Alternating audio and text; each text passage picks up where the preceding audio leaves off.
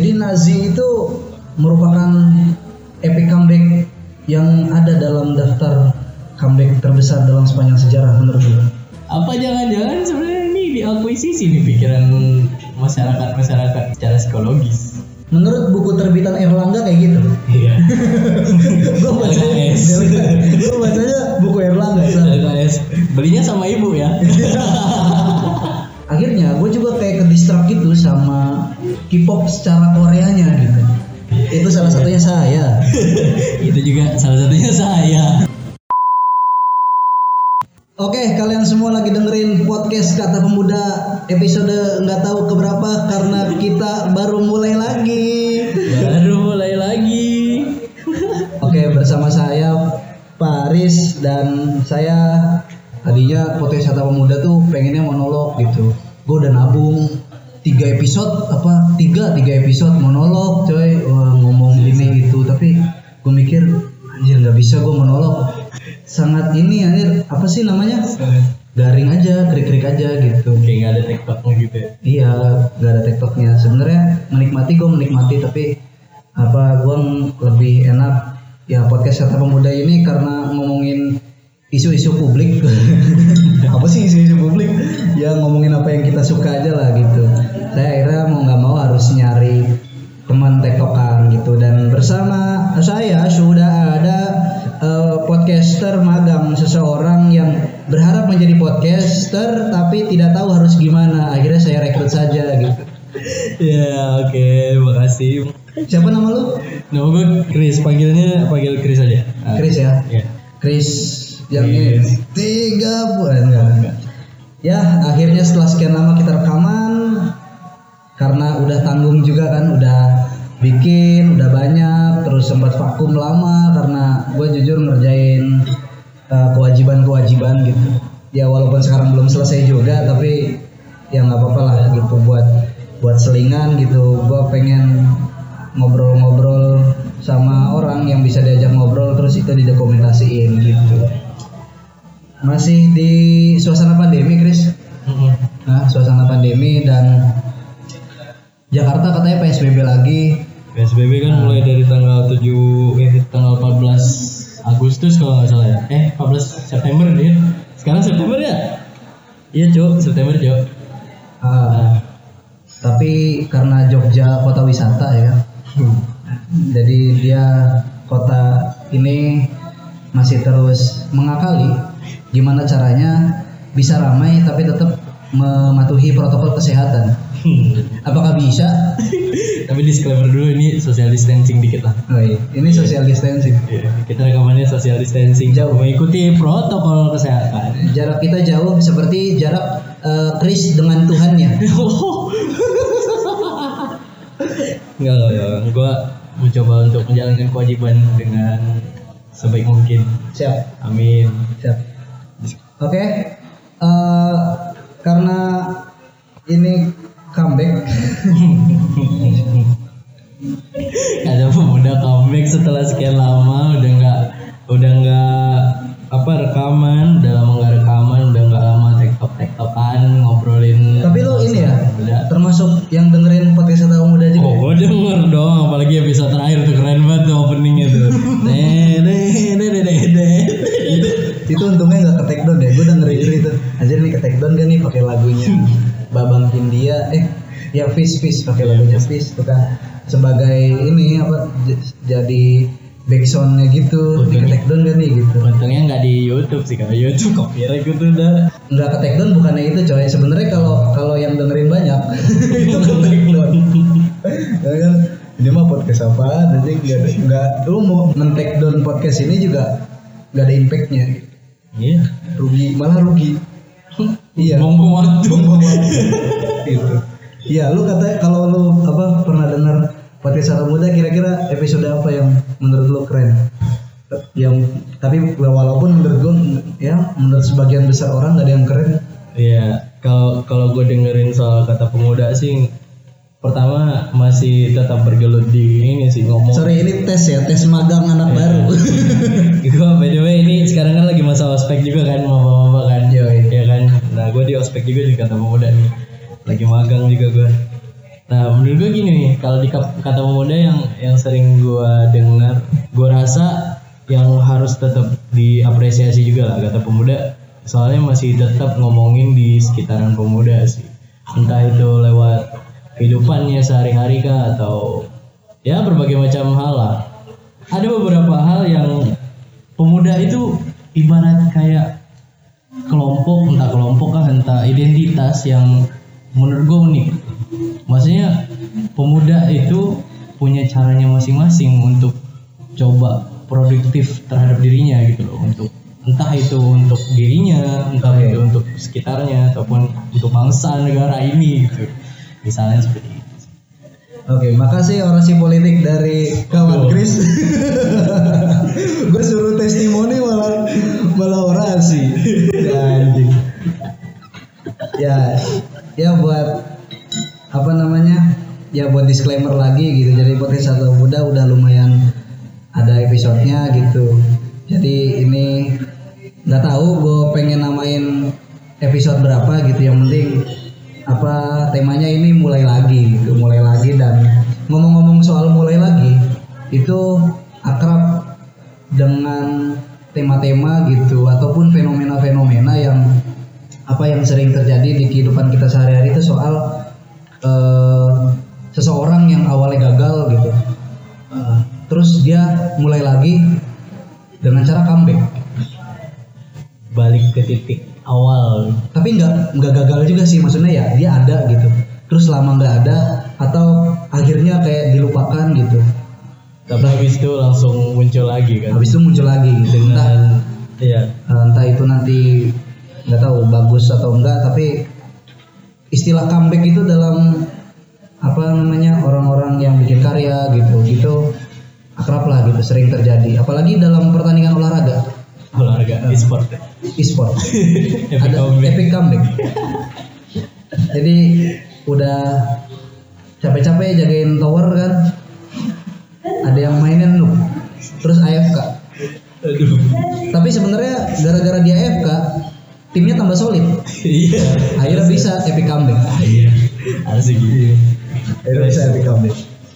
Ngomong-ngomongin soal comeback nih kan eh, comeback ini ya gue rasa pendengar kata pemuda tau lah eh, perindustrian K-pop K-popan ya. Dibarengi yang nggak suka K-pop nggak tahu.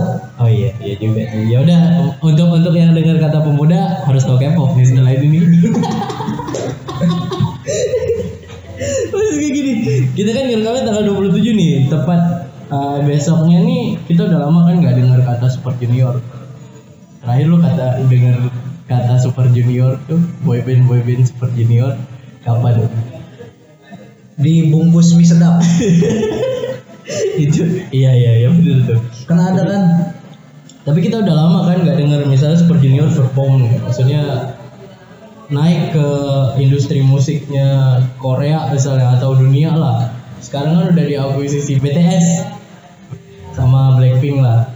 Eh gue dapat informasi juga nih, gue lihat baca berita tadi katanya Super Junior eh, D sama E itu akan merilis spesial dari album Bad Blood tanggal 28 September besok. Dan ada beberapa kayak bukan K-popers. Apa sih namanya? Boy band sama girl band girl band yang lain itu juga mulai debut karena apa di era pandemi itu jadi terdorong gitu loh untuk untuk bergerak lagi untuk untuk comeback lagi ke industri musik ini. Gitu dengan ya kayak misalnya kayak BTS akhir-akhir kemarin juga konser online juga ada gitu loh. Ininya performnya perform online ya? Ya kayaknya kayaknya performnya perform online perform kayaknya. online tuh nggak tuh gue pernah nonton YouTube tuh yang ada tuh apa namanya band idol K-pop gitu nampil terus di samping kanan kirinya belakangnya itu backgroundnya bukan lampu Windows Tau nggak efek-efek Windows yang Iya, iya. gulung-gulung Iya, gitu Pakai Yang- green- yang green screen gitu ya. green screen green screen gitu tapi wajah-wajah penonton oh iya, iya. Itu nggak tahu ya apa namanya nontonnya mereka pakai aplikasi apa, tapi mudah-mudahan tidak pakai aplikasi Zoom.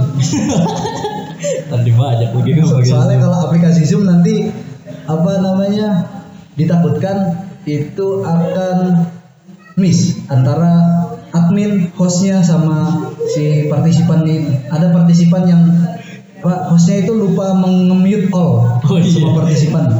Ntar pada komen kan ini gue bias gue nih bias gue nih kan Ini bias kan ngomongnya kan.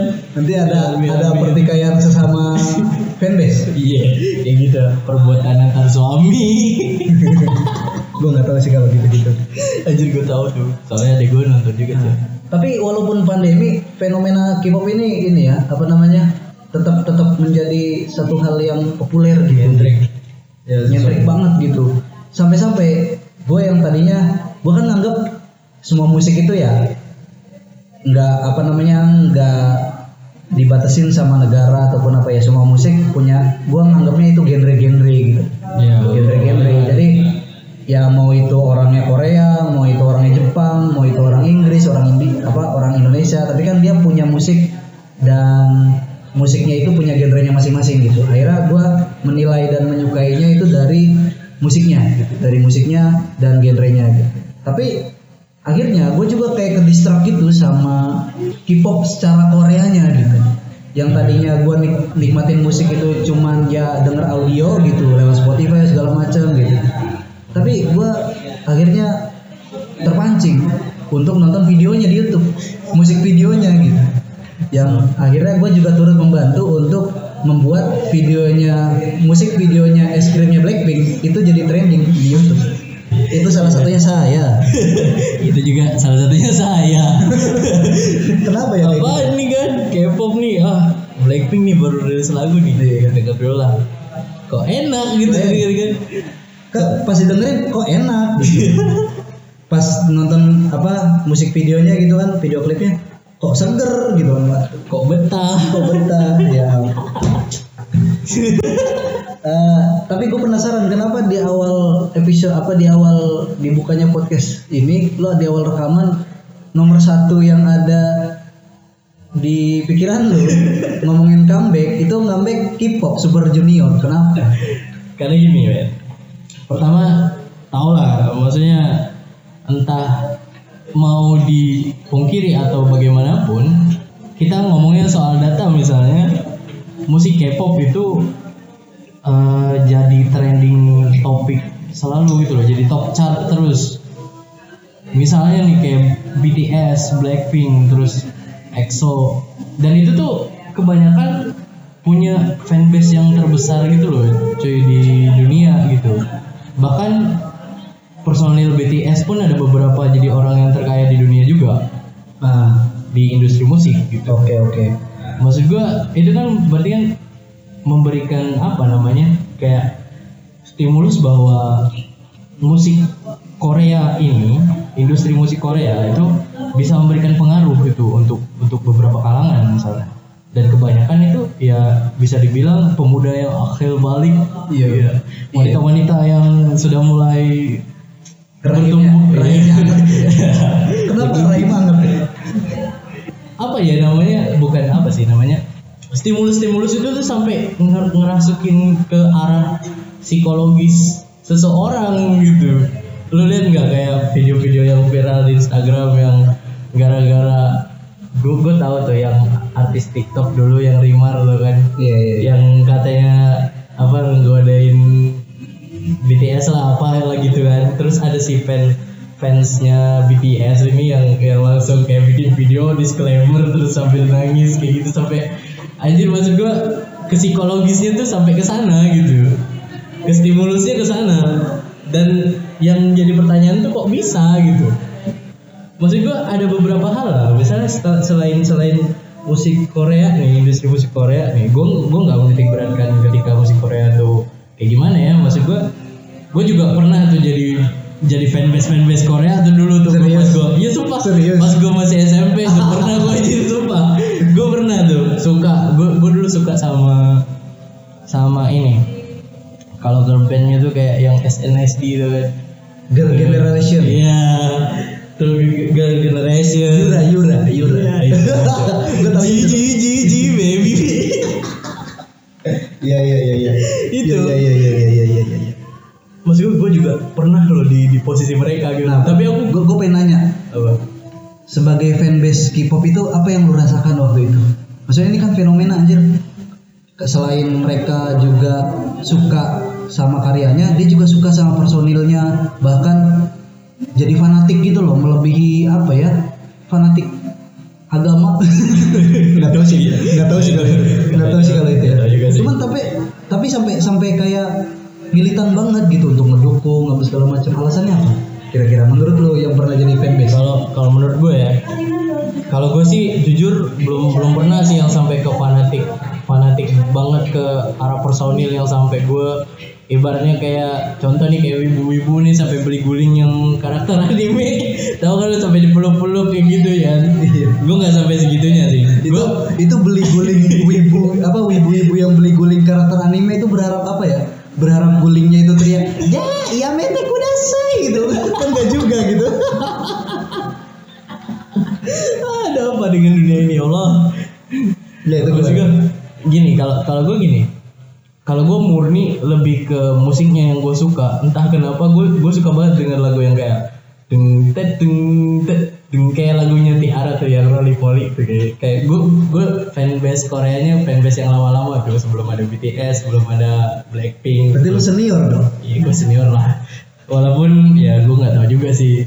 Nggak nggak terlalu ngikutin juga sekarang. Tapi maksud gue Gue ngeliatnya gini mau Apa namanya fenomena fen- fenomena fanatik terhadap musik Korea ini kebanyakan diawali dengan ya maksudnya lu tahu sendiri lah Korea kita lihat kan eh, sangat-sangat glowing glowing dan shimmering and splendid lah. Mereka ganteng dan cantik tanpa cacat. Dan semuanya sama. Kebanyakan kan kebanyakan gitu kan modelannya sama kan. Ah benar-benar. Dan itu tuh banyak banget disukain gitu terutama untuk kaum kaum hawa lah. Gua gua rasa kaum Adam juga? Ya kaum madam tau lah ya kan. Yang ya betah lah gitu lihat ya kan. Kayak kayak gua dulu lihat Yura. Iya Enggak, enggak. Kena- kenapa itu? Kalau lu sekarang lihatnya itu fenomenanya kayak gimana itu? Kalau gue murni awalnya karena ngefans karena tampang sih sebenarnya bukan karena musiknya. Kalau sekarang ya walaupun mungkin secara gue nggak tahu nih jujur nih kalau kalau gue agak salah ngomong nih selesai nih arminya apa-apa. banyak banget nih. Tidak apa-apa. arminya banyak banget nih. Podcast ini tidak ada yang mendengarkan. Tidak mungkin K-popers mengklik podcast ini. Kalau diklik kalau diklik salah ngeklik itu. Salah ngeklik bangsat gua ngeklik apa gitu Kalau gue murni sih murni dari tampang sih kalau sekarang jujur. Kalau dari pribadi gue ngomongin soal, soal ngefansnya anak-anak K-pop sekarang itu ya murni dari tampang tanpa ngeliat karya. Mungkin karyanya banyak dan itu pun juga udah kalau kita ngomonginnya yang lebih serius ya, gue rasa itu lebih terakuisisi oleh apa ya bukan terakuisisi di monopoli beberapa beberapa agensi tuh sebenarnya kalau kita lihat misalnya gini contoh kecil kenapa nih ketika Blackpink ngerilis lagu duluan habis itu BTS nih lagu lagi nih. Begitu iya habis itu kejar-kejaran nih. Kejar-kejaran. Kejar-kejaran. Dan itu pun di, di monopoli di situ semua. Iya kayak kenapa pas baru pas secret number baru debut? Hmm. terus kan booming tuh gara-gara yang apalagi di Indonesia kan karena ada satu idol K-pop asli Indonesia pertama gitu dalam sejarah industri K-pop gitu rame tiba-tiba Blackpink debut ngeluarin lagu How You Like That kayak pengen ngata kayak, kayak pengen ngecengin ini kayak gitu "Eh, lu siapa How You Like That man gitu Woi anda siapa Woi, Anda siapa? Baru satu lagu, nggak usah sosokan gitu. Kok berharap apa namanya Rocky Award? Apa namanya? apanya Apa penghargaan buat apa namanya K-pop itu apa? Rocky Rocky Gerung Rocky Gerung. Bodoh amat. ya Oke, eh, mungkin ini ya kalau kalau yang gua rasain sekarang tuh ya gua dibilang suka banget sih enggak, tapi menikmati iya gitu. Maksudnya selain menikmati karyanya juga gua menikmati ya visualnya gitu. Visual. Kenapa visualnya? Karena ya itulah yang ditawarkan sama yang di frame sama mereka hari ini bahwa ini loh kecantikan tuh seperti ini, kegantengan tuh kayak gini gitu Iya. gue juga maksudnya gue mengakui gitu kalau orang-orang apa namanya personil-personil K-pop itu artis artis-artis misalkan itu ganteng men gitu. Iya pasti. Dan itu selain ganteng secara fashion gitu ya akhirnya kita ngikutin gitu oh kayak gitu ya gitu. Apa namanya apa namanya milih fashion yang bagus Iya. gitu biar apa biar apa gitu gitu jadi kayak referensi buat kita sendiri gitu. Nih itu itu yang jadi alasan gua kenapa suka gitu. Tapi gua nggak nggak suka suka banget gitu. Gitu. Oke yang kedua kalau kita ngomongin soal kalau kita ngomongin soal comeback itu ada kalau gue senangnya sejarah Chris sejarah? Nah sejarah gue comeback dalam comeback terbesar epic comeback terbesar dalam sejarah peradaban manusia menurut gue nomor pertama adalah Nabi Muhammad comeback. Asik serius coy? Gimana tuh iya Nabi, gimana eh, Nabi Muhammad Shallallahu Alaihi Wasallam itu bersama umatnya ketika di awal berdakwah menyebarkan agama tauhid itu comeback. Di mana comebacknya? Setelah mereka kaum muslimin terusir dari kota Mekah terus akhirnya menyusun kekuatan gitu. Akhirnya dia comeback kembali menaklukkan Mekah. Iya iya Keren benar benar. Benar sih benar sih.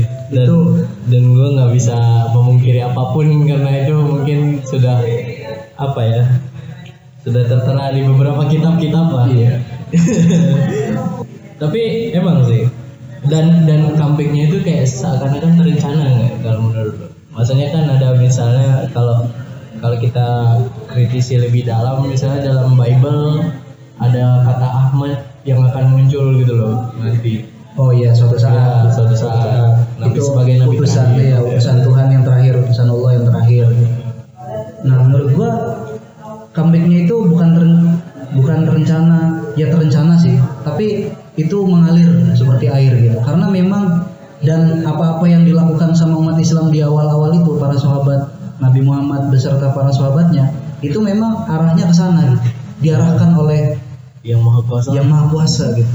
Untuk memang ya karena kalau nggak comeback itu niscaya kalau menurut gua itu Islam nggak akan apa namanya nggak akan tersebar gitu ke penjuru dunia gitu. Ya lu tau gak sih kayak kayak misalkan lu kalau seringan main Mobile Legend kalau auto win nggak pernah diajak lagi kan main lu? Siap. Iya kan maksud ya? Iya. kenapa ya? Bisa Kan custom nih custom nih auto win terus kan? Iya iya. nggak pernah diajak lagi lu main iya kan? Iya. Kenapa ya? Padahal kan kita jago ya? Iya kan? Jago itu harusnya dibutuhkan gitu. Ini nggak dijauhkan. Jauh ya? Parah ya? Parah ya? Lah apa hubungannya sama comebacknya Fatul Mekah pacak soalnya Nabi Muhammad gak bisa di nerf coy. Iya kan? Gak bisa di nerf coy. Bukan saya yang ngomong. Hyperbomb soalnya coy helm. Kalau di PUBG helm level 3 tapi helm level 3 juga masih bisa copot dia itu kalau bahasa Arabnya maksum. Terjaga dari berbagai macam keburukan. Kayak gitulah. Ya itu menurut gua wah itu nggak perlu diperdebatkan lagi. Kalau mau tahu sejarahnya Wikipedia saja. Iya. Itu wah keren banget lah. Comeback menurut gua. Kalau lo nomor dua apa? Kalau gue kalau ngeliat dari sejarah nih ya, gue ingetnya gini. Semua orang tahu lah, misalnya Jerman dulu perang dunia satu tetap kenal dengan Nazinya misalnya. Ya bahkan mereka pun nggak mau dibilang Jerman juga sih sebenarnya. Nazi nih ya Nazi gitu kan. Ya aku bangsa Arya misalnya kayak gitu. Maksud gue epic comicnya gini, ketika emang dulu pas zaman setahu gue ya, pas zaman feodal peralihan feodal ke arah mulai ke Industri. era industri dan era-era apa namanya? Liberal kapitalis nah. Maksud gue dulu kaum kaum Arya ini kan sangat sangat tertindas. Sangat sangat tidak terlihat sebenarnya. Iya. Maksudnya Jerman itu? iya. Maksud gue ketika momen epic comebacknya ketika dia langsung masuk ke era perang dunia satu nih langsung mengakuisisi semuanya itu jadi apa sih namanya jadi blok apa sih Bari, jadi poros politik baru Iya. jadi kekuatan Iya. baru bahkan bukan cuma di internal Jerman tapi di dunia gitu Mm-mm. Karena setahu gue sebenarnya orang mandang kan Nazi ini dengan terkenal dengan genosidanya kan gitu. Sebenarnya kalau misal kita tilik lebih dalam, Nazi itu lahir karena karena ada rasa yang kuat terhadap nasionalismenya gitu.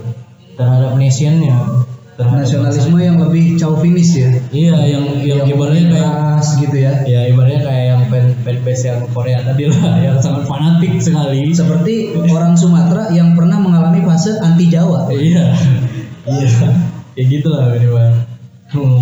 dan itu sebenarnya berasal dari apa ya kalau kalau bahasa Jawanya tuh kayak ultra nasionalistik lah gitu. ultra nasionalisme Iya. Apa nasionalistik? Apa Iya. nasionalisasi? Ya itu Oh, itu. lah ya gitulah ya. Istilah-istilah. Nah sebenarnya gua nggak tahu ya apa harus benci atau enggak sama Nazi gitu. Nazi itu kan apa namanya satu kekuatan politik baru gitu pasca perang dunia pertama gitu. Perang dunia pertama justru malah menghasilkan ya Nazi itu gitu. Soalnya tapi kan itu bukan tanpa alasan gitu kemunculan itu kemunculan Nazi itu kan. Gara-gara waktu itu kan Jerman juga termasuk negara yang kalah perang waktu perang dunia pertama kan. Akhirnya banyak dapat eh, berbagai macam konsekuensi kayak hukuman apa denda kayak gitu kayak gitu. Dan parahnya lagi gitu kerusakan-kerusakan pasca perang pun nggak mampu dipulihkan secara cepat gitu. Terus kan waktu itu ada apa LBB ya namanya Liga Bangsa-Bangsa itu. Sebelum adanya PBB kan ada LBB dulu Liga Bangsa-Bangsa itu pengen apa namanya diinisiasi sama siapa waktu itu gua nggak tahu. Untuk jadi semacam organisasinya dunia untuk menjaga menjaga perdamaian dunia justru nggak punya wibawa nggak punya wibawa. Justru malah diinjek-injek kayak misalkan peristiwa Jepang ketika menginvasi Manchuria hmm. ya kan? Jepang. Kan fasisme kan nggak cuma di Jerman kan nggak di cuma di Eropa tapi di Asia Timur juga kan. Jepang waktu itu dengan apa semangat Nippon pemimpin Asia Nippon cahaya Asia itu kan. Ini apa menginvasi Manchuria dan menganeksasi banyak daerah gitu kan termasuk daerah kita Indonesia gitu kan. Waktu itu Jepang menyerah tanpa syarat ke dari Belanda gitu kan. Ya. Nah, waktu itu untuk konteks Nazi kayaknya jadi hal yang apa? Itu efek dari kemarahan atau epic comebacknya itu apa? kalau kalau menurut gue gini sih sepemahamanku nih kalau ngomongin soal perang dunia satu itu kan murni dengan perluasan lahan kan sebenarnya kan perluasan ekspansi wilayah kalau menurut gue belum belum masuk ke tataran bagaimana cara kita untuk memberikan hegemoni ideologi ideologisasi lah misalnya kayak bahasa Masih ini ya, masih apa? Cara-cara lama lah, klasik gitu. Jadi Iya. perang untuk menaklukkan satu perangnya modelnya penaklukan gitu, penaklukan. dan pembuktian ini sih kalau menurut gue Ya kekuasaan itu dibuktikan dengan seberapa luas Luas. daerahmu jadi imperium itu ya gitu. ya. ya Imperium, imperium. Karena kan kalau misal kita baca lagi kan perang dunia satu kan kalau kubu fasisme itu kan kubu fasis itu kan ada Itali kan ada Itali ada Jepang juga tadi terus sama sama apa namanya sama Nazi Jerman. ya sama Jerman gue gue nggak tahu nih kalau eh sama Turki juga Perang Dunia Pertama ya. ya ada Turki apa sebelum Turki yang Turki Usmani ya benderanya masih bendera lama tuh masih bendera nah bulan bintang. Ya, Be- belum, Eh, belum, belum- belum, belum bulan belum, bintang. belum bulan bintang, masih bendera yang kayak kayak kerajaan gitu lah. Iya iya iya. iya. Nah, dan itu tuh menurut gua ya emang bener-bener murni untuk ekspansi lahan, yang nantinya mungkin harapannya dia pas di perang dunia kedua ya untuk ideologisasi kalau menurut gua. Murni bener-bener pengen diakuin sebagai orang yang apa bisa meng- menguasai dunia gitu sebenarnya. Tapi ini ya apa namanya di Jerman itu ada kaitannya nggak dengan isu-isu sekarang itu populisme, populisme kayak misalkan dulu kan supremasi apa bangsa Arya gitu. Kalau sekarang kan banyak kayak di Amerika ada supremasi kulit putih, terus di yang apa namanya yang menimbulkan populisme gitu kan. BTS Army. Kok di pikiran gue BTS mulu ya? Tapi bisa jadi tuh. Apa jangan-jangan sebenarnya bisa jadi pertanyaan juga sebenarnya. Apa jangan-jangan sebenarnya ini diakuisisi nih pikiran masyarakat masyarakat nih lewat dengan industri industri musik secara psikologis. Nah, tapi kan jangan-jangan gitu. Jadi Nazi itu merupakan epic comeback yang ada dalam daftar comeback terbesar dalam sepanjang sejarah menurut lu? Kalau menurut gue iya sih. Selain Nabi Muhammad tadi ya. Kalau Nabi Muhammad kan emang gak ada lawan lah. menurut gue ya. Iya. Karena kan emang ya namanya juga kekasih Tuhan kan gitu. Kalau Adolf Hitler itu ya sebagai sosok yang apa namanya yang emang bener-bener punya rasa nasionalisme yang tinggi sebenarnya. Ngomongin soal nationku nationku adalah diriku gitu. Ngomongin yang itu sesuatu yang harus dijaga gitu. Hmm. murni kalau menurut gue menurut gue ya emang bener-bener cuma buat membela diri sih awalnya. Awalnya. awalnya sebelum ada genosida tuh tapi apa ya? Ya. menurut lu gimana deh kalau soal Nazi deh Ya mungkin terlepas terlepas dari Nazi itu memang kejam gitu. Menurut gua semangat semangat kayak gitu pada akhirnya nggak baik sih gitu. Nggak baik di hari ini gitu. Kayak kayak misalnya lu semangat yang lu apa namanya lu gaungkan gitu, lu kampanyekan tuh semangat golongan gitu, semangat golongan yang itu akhirnya menyekat-nyekat kita untuk untuk kemudian jadi eksklusif gitu kalau Nazi kan akhirnya supremasi bangsa Arya yang akhirnya menegasikan apa ras-ras yang lain yang ada di Jerman kayak ya akhirnya kan terjadinya genosida gitu kebencian terhadap Yahudi gitu kan akhirnya Yahudi di apa namanya banyak yang ditangkepin dan banyak yang dibunuh gitu-gitu. Terus apa serangan-serangan apa babi membabi buta ala-ala Nazi itu kan yang harusnya jadi pelajaran kita gitu ngomongin sejarah Nazi itu kayak gimana. Karena dalam agama pun sudah diajarkan bahwa sesuatu yang berlebihan itu tidak baik. Gak boleh ya? Nggak boleh. Jadi harus sedang-sedang saja. penyampaian anda juga berlebihan ya? Oh iya, oh iya nggak boleh ya. berlebihan gak boleh. Kalau ya sejarah banyak sih kalau kita ngomongin sejarah sih. Beberapa hal-hal efek comeback dalam sejarah. Ya, kayak Majapahit juga mungkin. Yang apa namanya yang dulunya gua rasa sebelum Majapahit yang nguasain Singasari dulu kan Singasari dulu. Singasari dulu kan baru habis itu Singasari runtuh Majapahit naik kan. Menurut buku terbitan Erlangga kayak gitu. Iya. Gue LKS. gue bacanya buku Erlangga. LKS belinya sama ibu ya.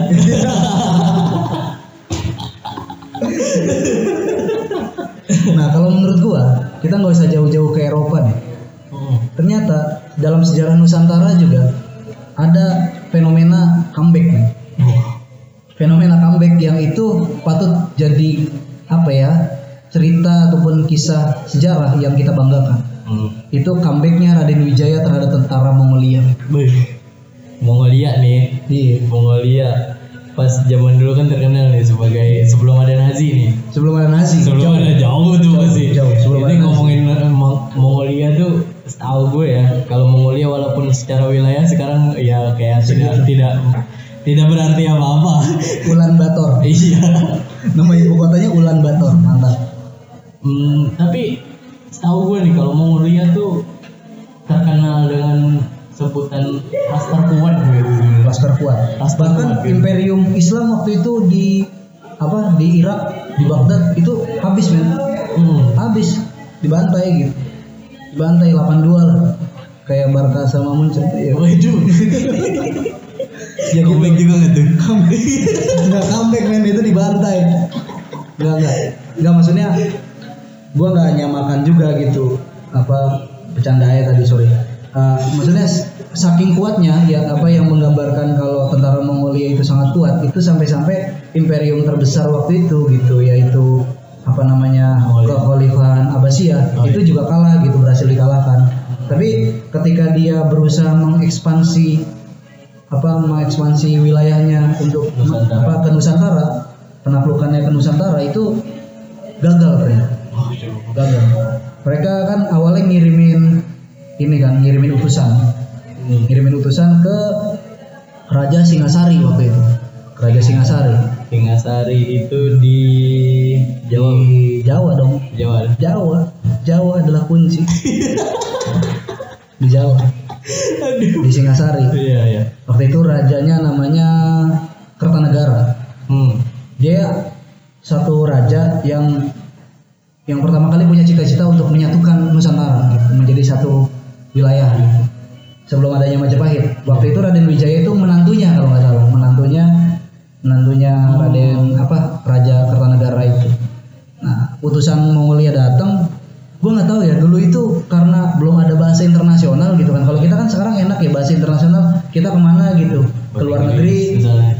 tinggal bahasa Inggris. Sorry, can you speak English? Gitu-gitu gitu lah gitu, gitu. Jadi kalau nggak bisa ya paling ah gitu kan, pakai isyarat gitu kan. Nah dulu itu gimana ya? Gitu. gue langsung ngebayangin itu dari tadi iya kan iya kan nggak mungkin langsung pakai bahasa isyarat juga kayak gimana kan Nah terus kayak perdagangan global gitu juga kan nggak ter- nggak terlalu masif kayak sekarang gitu kan. Oh. Dan artinya nggak ada juga gitu kerajaan-kerajaan di Nusantara yang misalkan naruh apa naruh kantor diplomatnya di Mongolia gitu. Iya kan? Iya, nggak ada kedutaan. Kedutaan besar Singasari misalnya. Waduh. kedutaan besar Singasari. Maksudnya dia, dia di sana gitu. Terus akhirnya kan bisa bahasa Mongolia. Akhirnya kan pas ada utusan yang ke Mongolia kan bacain bahasa Mongolia kan bla bla bla gitu kan. Iya. Ya, ya entah lah bahasa Mongolia kayak gimana gitu. Terus tiba-tiba ada penerjemahnya itu gua nggak tahu tuh waktu itu kayak gimana. Soalnya di sejarah kita juga nggak nggak nggak ngasih tahu kayak gimana gitu proses-proses asimilasi gitu kan bahasa eh, kayak antara apa orang asing dengan penduduk setempat gitu gimana gitu komunikasinya komunikasi antar budayanya kayak gimana gitu ya intinya si utusan Mongolia ini datang menyampaikan surat maklumat maklumat atau himbauan kepada penguasa di Nusantara yang kebetulan waktu itu yang didatengin adalah Singasari untuk tunduk untuk Langsung. tunduk terhadap kekuasaan Mongolia langsung di start ya? langsung di cocote matane loh iya iya. gak terima gak terima bahkan menurut cerita yang gue baca gitu utusan itu dilukai. Oh, tuh. utusan itu dilukai entah gua gua salah baca apa enggak cuman menurut sumber yang gue baca sampai diiris telinganya. Wah ini sadis sekali kan. Terus disuruh kembali bilang kepada penguasamu gitu kami tidak takut. Gitulah intinya gitulah. Tapi Ya, gue rasa gitu. kayak kayak yang di sayap telinganya tuh juga punya filosofisnya apa itu? Maksudnya kayak gue nggak bakal denger omongan lu aja Iya. gue juga gak ngerti bahasa lu aja gitu kan. Gua nggak tahu. gue gak tahu bodo amat nih pergi aja lu. Iya sebenarnya kayak gitu kan Nah akhirnya Mongolia merasa diremehkan dan mereka mengirimkan pasukan. Langsung invasi. Langsung invasi, langsung invasi ke Jawa waktu itu. Nah kebetulan waktu itu kekuasaan Singasari juga mengalami pelemahan gitu oleh orang-orang yang ada gitu. Terus diinvasi sama negara tetangganya, waduh. Kerajaan Kediri, Jayakatwang. waduh. Akhirnya kerajaan Singasari di apa namanya diinvasi set. kerajaan Singasari tumbang. Nah Raden Wijaya ini dia ngungsi ke Arya Wiraraja penguasa Madura. Oh. Ke Madura dia dan yang waktu itu belum ada jembatan Suramadu. Tahu dia bahasa Madura tapi? Nggak tahu juga. Gua nggak tahu. Gua nggak tahu. Intinya ya ke sana lah. Ke sana ke Arya Wiraraja ke penguasa Madura waktu itu. Dan nyusun kekuatan. Tapi nyusun kekuatannya untuk ngalahin Kediri sebenarnya. Nyusun kekuatan untuk ngalahin Kediri. Cuman waktu itu pembacaannya katanya wah ini juga ada Mongol nih yang siap-siap nyerang kita. Gitu. Mungkin dan dan akhirnya Mongolia itu diperalat sama pas apa namanya ya Raden Wijaya dan apa namanya pengikutnya itu untuk diajak ngebantu gitu untuk apa namanya nyerang Jayakatwang kerajaan Kediri. Diajak afiliasi lah ya. Ya ini walaupun sulit juga komunikasi kayaknya tuh Iya. agak lama. Kayaknya itu deal-dealan politik juga itu. Iya. nanti kamu dapat inilah kalau kamu mau invasi ke sini ya nanti kamu dapat ini dapat tanah sebidang tanah ini gitu. Nah akhirnya dibantu sama Mongolia Raden Wijaya untuk menumpas kerajaan Kediri gitu. Kan nah pas kerajaan Kediri berhasil ditaklukkan pesta malam-malamnya pesta malam-malam pesta mabuk-mabuk. Bekonang dulu. Bekonang. Bekonang. Orang Mongol minum bekonang. Orang bekonang. Ini adalah arak asli Nusantara wah enak sekali gitu. Mabuk. Karena mungkin araknya terlalu tinggi ininya apa kadarnya. Iya. langsung mabuk. Nah di tengah tentara Mongolia ini mabuk kehilangan kesadaran akhirnya langsung di epic comeback. Buh, dibuat mabuk. iya.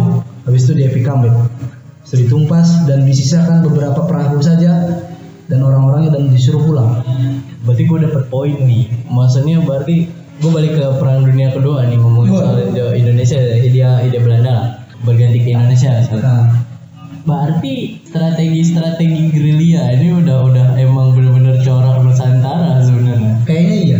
iya kan Soalnya didukung sama geografi. iya Maksudnya gerilyanya bukan cuman sembunyi serang sembunyi serang, tapi apa namanya tipu daya, tipu Iya. muslihat, tipu muslihat dalam perang itu udah, da- ta- tapi menurut gua udah biasa kayaknya.